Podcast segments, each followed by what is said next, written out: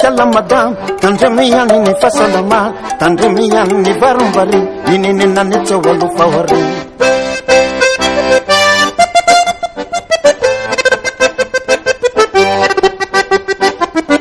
tandremondremolo kalazane tandremiany ny zavatsime tandremiany ny varombary ninenenanetseoalofaoare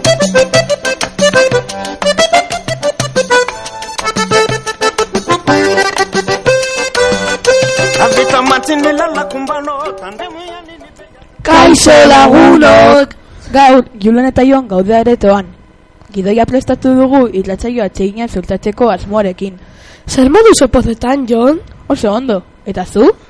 Ondore bai, baina egunero ikasten libiri naiz. Natur, gizarte eta ingleseko etxeko lanak paneuzkan. Ja, ja, alako pringau. Nik mateko etxeko lanak neuzkan, besterik ez. Jon, gaia saldatzen urden guztian eskolan geratuko zara zu? Bai, zergatik? Nik berriz eskolatik alde egingo dut urden guztian. Abai, Ah, ez nekien. Zergatik joango zara? Nire nahiak beste eskolan daudelako, eta ni ere ara joango naiz, la familia unida, badakizu? Benga, Julen, berriketan ari gara. Eta, li, eta lehenengo ziklokoak sartu nahi dutela ematen du. Itxaron momentu bat, kuskua jaziko ditugu jokoan, ondo deritxozu? Bai, zergatik ez. Eta pentsatuta dauka, daukazu galdera. Jakina, amar kusku emango diogu ondorengo galderari erantzun zuzena jartzen duenari. Bota ba, Hau da galdera, eskolari buruzkoa. Zenbat ikasgela daude goiko solairuan. jo, Julen, hori zuzaia da. Baina gaur egun ez da? Bai, bai, noski, zaila, ez dut uste. Eta gainera irratiko galderak zaiak izan behar dira. Gauden momentuan ez badira zaiak akabo. Bueno, hitz egitari utziko diogu eta... Oazen lehenengo txiklokekin.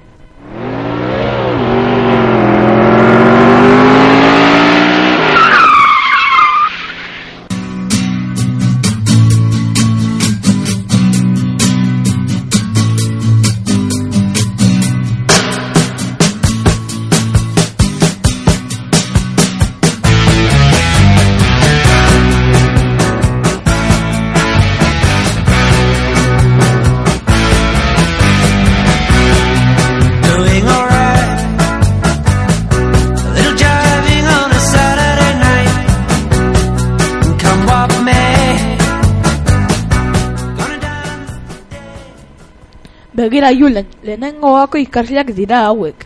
Nola dakizuzuk?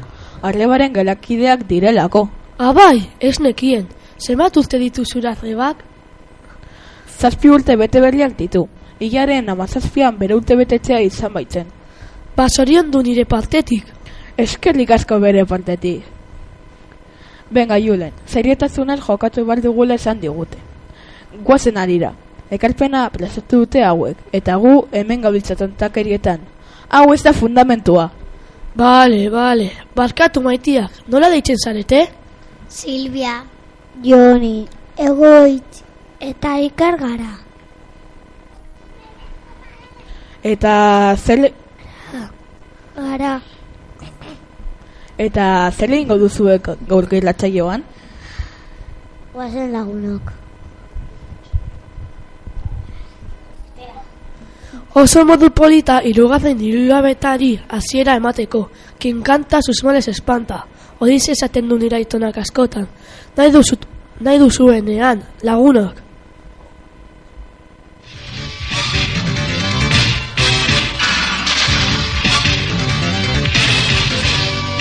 Dragoi bola. Guazen lagunok, anetz betean, dragoiaren bola bila batera. Guazen lagunok, ametzetean, lagoiaren bola bila batean, orain badakit, nongo zuloan, dagoen atxorik edera, gure mundua gizla handi bada, ta hortxe osan duda altxolere bat. Bihotxa madunik ametzederik, ez guzturik edizatxuarik, bihotxa betean tauki ezagut, guazen, guazen, guazen, guazen, txintzuetik dragon bola bila, txantez,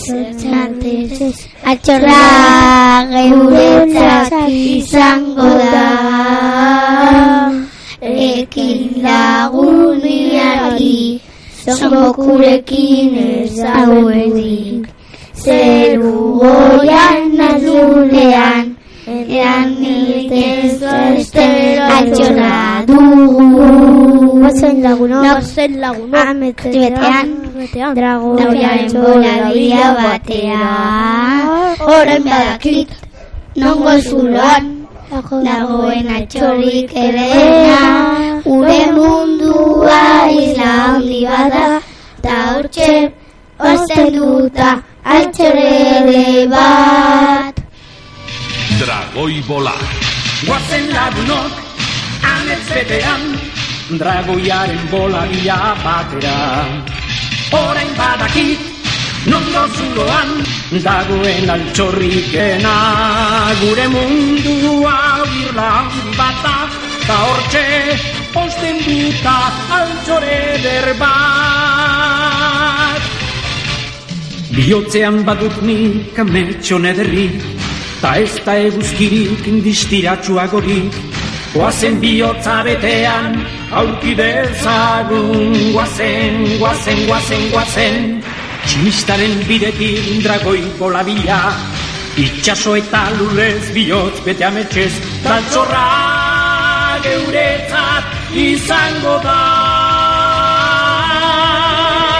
Ekin lagun bideari, Songo kurekin ez da beldurrik, zeru goian naiz lurrean.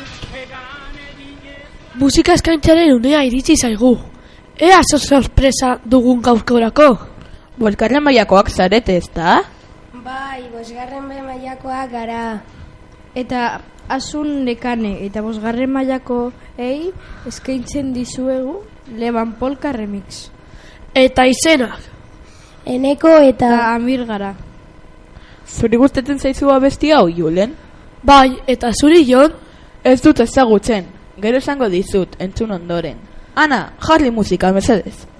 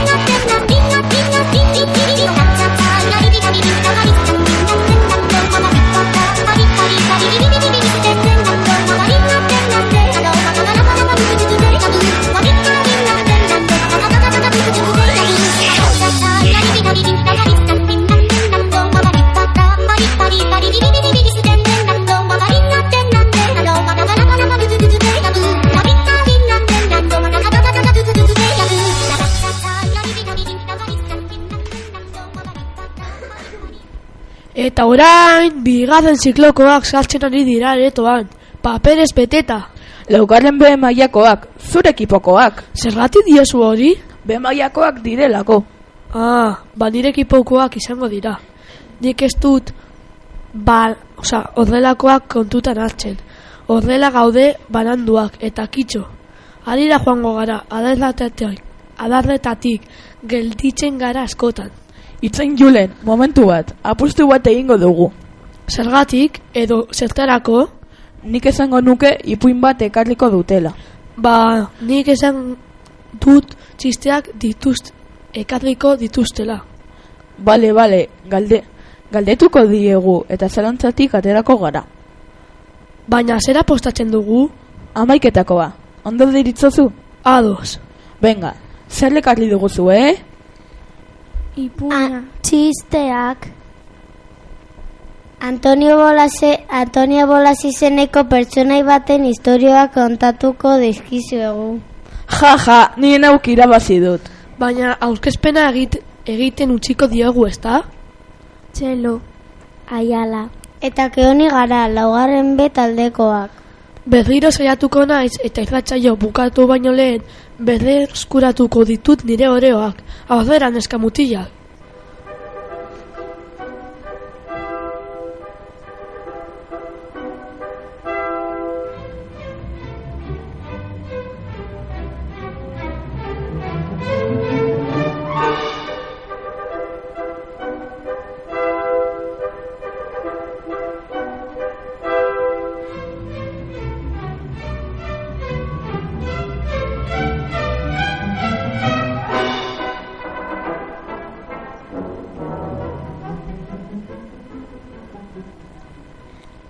Alkandora eta jertzea. Hemen duzu Antonioren ateraldi askar eta bizi bat. Hau da adar jotze, jotzailari adarra jotzea. Bero egiten zuen egun hartan, sargori. Iluna barrean, tabernara sartu zen Antonio, eta baso erdi bat eskatu zuen. Bake-bakean zegoen mostradorean, mutur batean. Baina beste muturrean bazegoen norbait Antoniori adarra jo nahi ziona. Edo pixka, edo pixka bat zirikatu behintzat. Eta Antonio jertzero dizamarra zeramala jantzi eta konturaturik galdetu zion zirikatzaile honek. Antonio, horrelako beroa eta zu jertzelo dia hori jantzita? Antonioren erantzuna bat batekoa. Bai, alkandora bizkarrean zulatuta daukat eta zuroa tapatzeagatik. Hola bukatu zen egun hartakoa, baina biharamunean, ordu beretsuan eta taberna berean, elkatu ziren berriro bi lagunak eta galdetu zion adar jotzaileak Antonio hori. Zer Antonio, gaur ere jertzea jantzita? Ez aldeizute horrendik alkandora konponduala? Eta hemen dator Antonioren esten zorrotza. Bai, atxo gauean koñatak banpontzen aritu zen, e, baina alkandora jertzeari josita utzi zion. Eta orain, biak be, behar nahi ez da ere.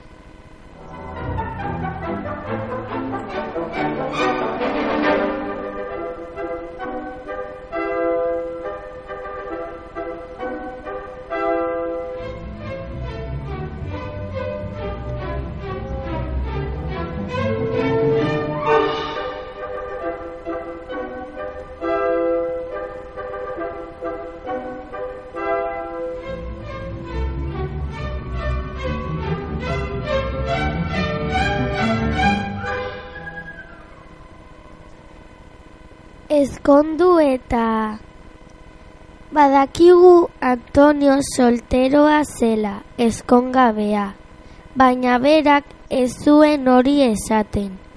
Ezkonduta zegoela esan ohi zuen.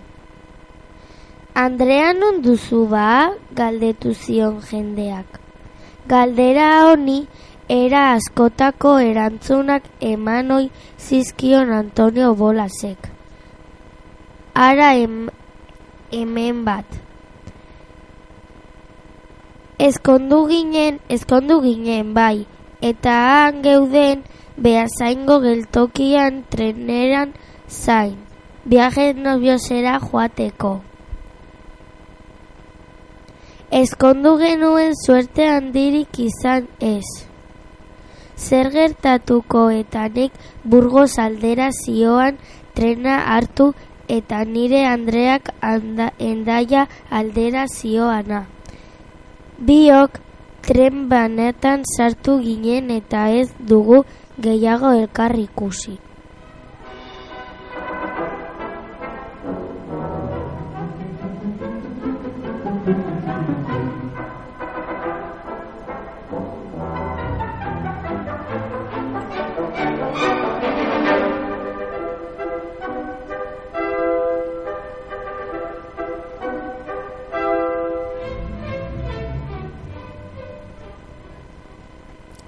Karakola nola harrapatu?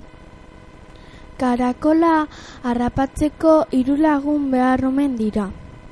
Hori ere Ant Antoniori entzun dakigu. Hiru lagun eta hiru tresna.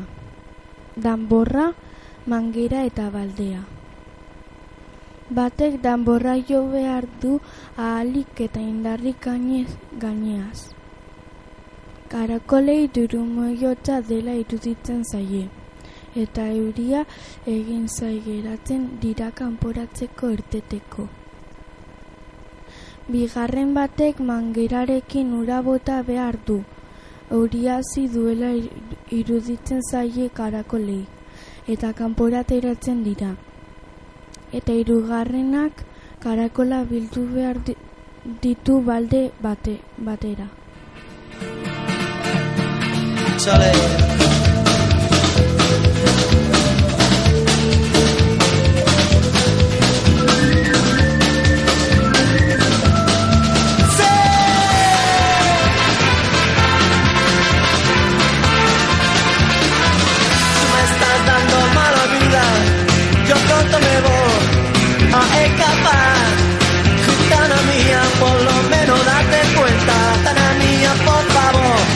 deja mi respirar.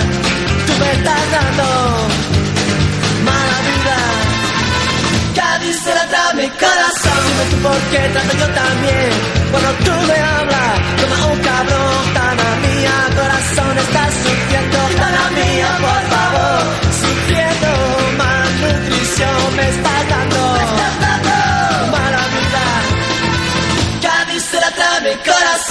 por qué trato yo también. Cuando tú me hablas, como un cabrón. Me estás dando, me estás dando.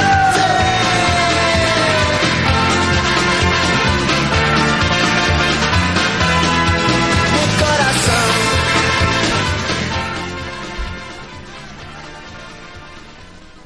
Kaixo eta ongi etorri musika txokora. Gaur, ekarri dizuet kompositore luzial baten mu musikalan. Kompositorea Musgorski deitzen da, eta oso musikalan bitzia asmatu zuen. Erakusketa baten kuadroak izenekoa. Izenburuak dion bezala musikak erakusketa batean daude margolanak iruditzen ditu. Jarriko dizuedan musikaren kuadroa gaztelu zaharrena da. Lau minutu irauten du, eta hemendik animatzen zait, zaituztet kuadroak sortzera. Beraz, musika ziko denean irudikatu gaztelu zar, zar bat. Venga, marrastera!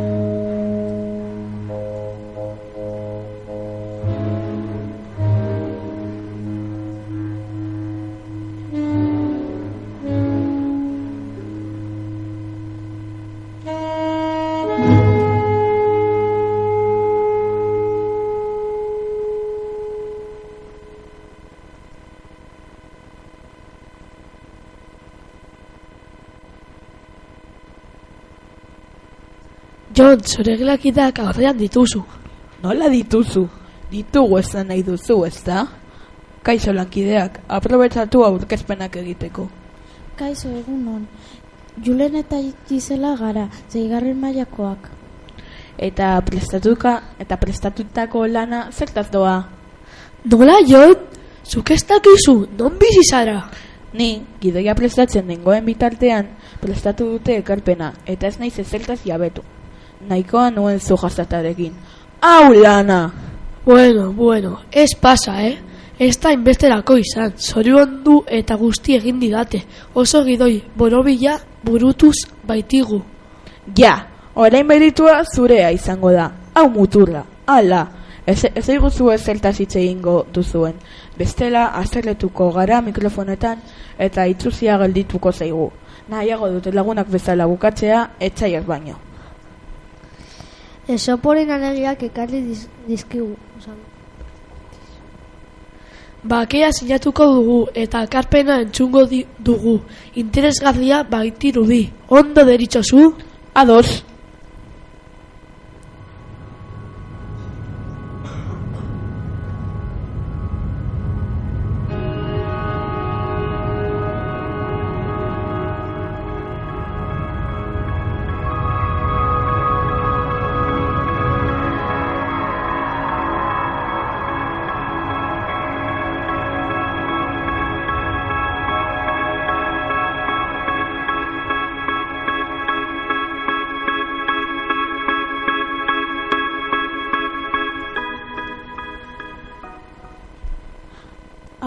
Eta albendo, albendolak. Gozea estutzen zuen batean ikusi zuen mutil batek albe, arbendolez betetako poto bat. Zukaldeko mai gainean eta hau haua ur egin zaitzaion. Amatxo, utxiko didazu arbendole batzuk hartzen galdetu zuen. Hartu eskudatxo bat, erantzun zuen emakumeak. Talorea zapaltzen zuen bitartean. Baina ez gehiago, berehala faldu behar dugu eta. Aurra oso katuna zenez, sartu eskua potoan eta al, al beste arbendo hartu zituen. Baina ukalbila hain beste zal, zabaldu zitzaion ez izan baitzu gero pototik atera. Behin eta berriz bere indar guztiekin egin zuen tira, eta atxka eskorletan minatzeraino bihurritu zuen eskua, baina alferrik. Ezin eskua pototik atera. L lastana esan zion amak. Ez, ez zara konturatzen al, ale batzuk eskatu ez, esan ez duzula eskua ateratzerik lortuko tira jan iz, itxaizu gutxi batzuk eta hemengo di, dizkizut. Gehiago gero afaldu ondoren. Gutxi hobe ez ere ez baino. To walk up in the sky, up where the air is rarefied.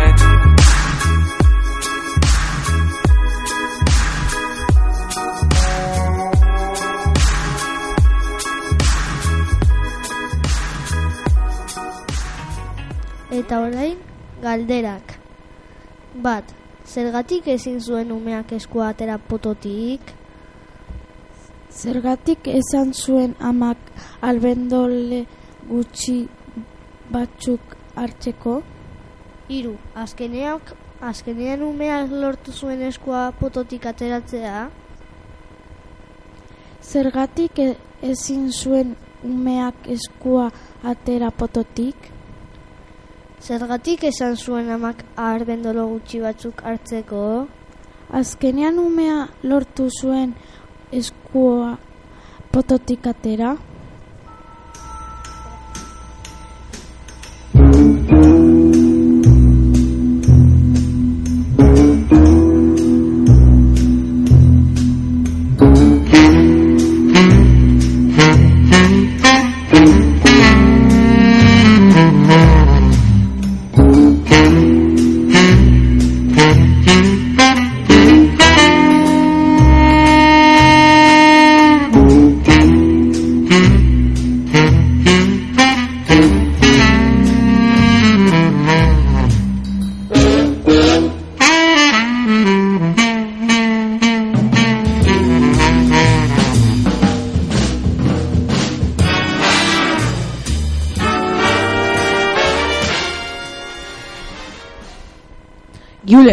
Egiaren momentua ailegatu da. Bai, lehiaketaren atalan gaude. Seguru, seguru guk irabaziko dugula. Bai, bai, horregatik zaudete irugarren postuan eta guk lehenengoak. Bigarren postuan zaudete eta berriro hartzen baduzuelo ez dakit non amaituko zareten. Guazen erantzun zuzenak esatera. Gure zain izango dira entzule guztiak. Non dago Pakistan? Asian dago eta herri hauek inguratzen die. Txina, India, Afganistan eta Iran. Zeinak Lodomiroren trukoa egin behar duen enkargua ez ahazteko? Musika jartzen dio. Eta aste honetan zeigarren be izan da irabazlea, zoriona! Julen,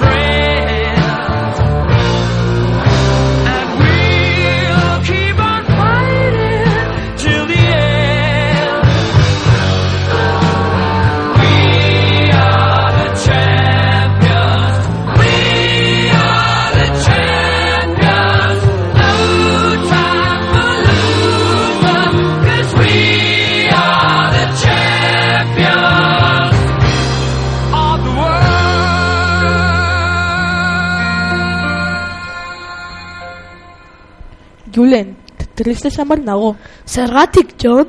Irratia bukatzen ari delako, eta gurazkeneko irratsaioa izango delako aurkezleak izaten. John, egidazu kasu, ez egon hain triste, urrengo astelenean langileen eguna izango da, eta jai izango dugu. Ah, begira, ez nekien, eta ez dago triste, alaitu dira seguna, eskerrik asko jola.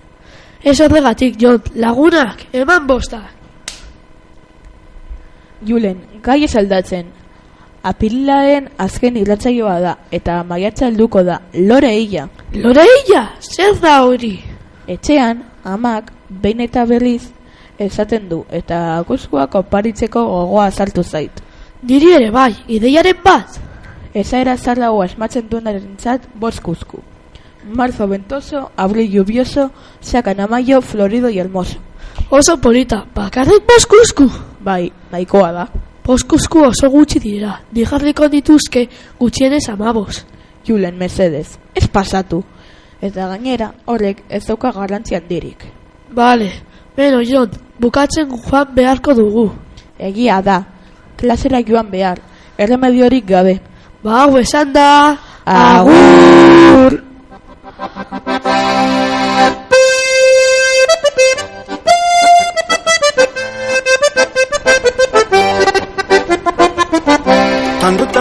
kalamadan tandremiany ny fahasalamana tandremiany ny varombary inenenanetsy ao alofahare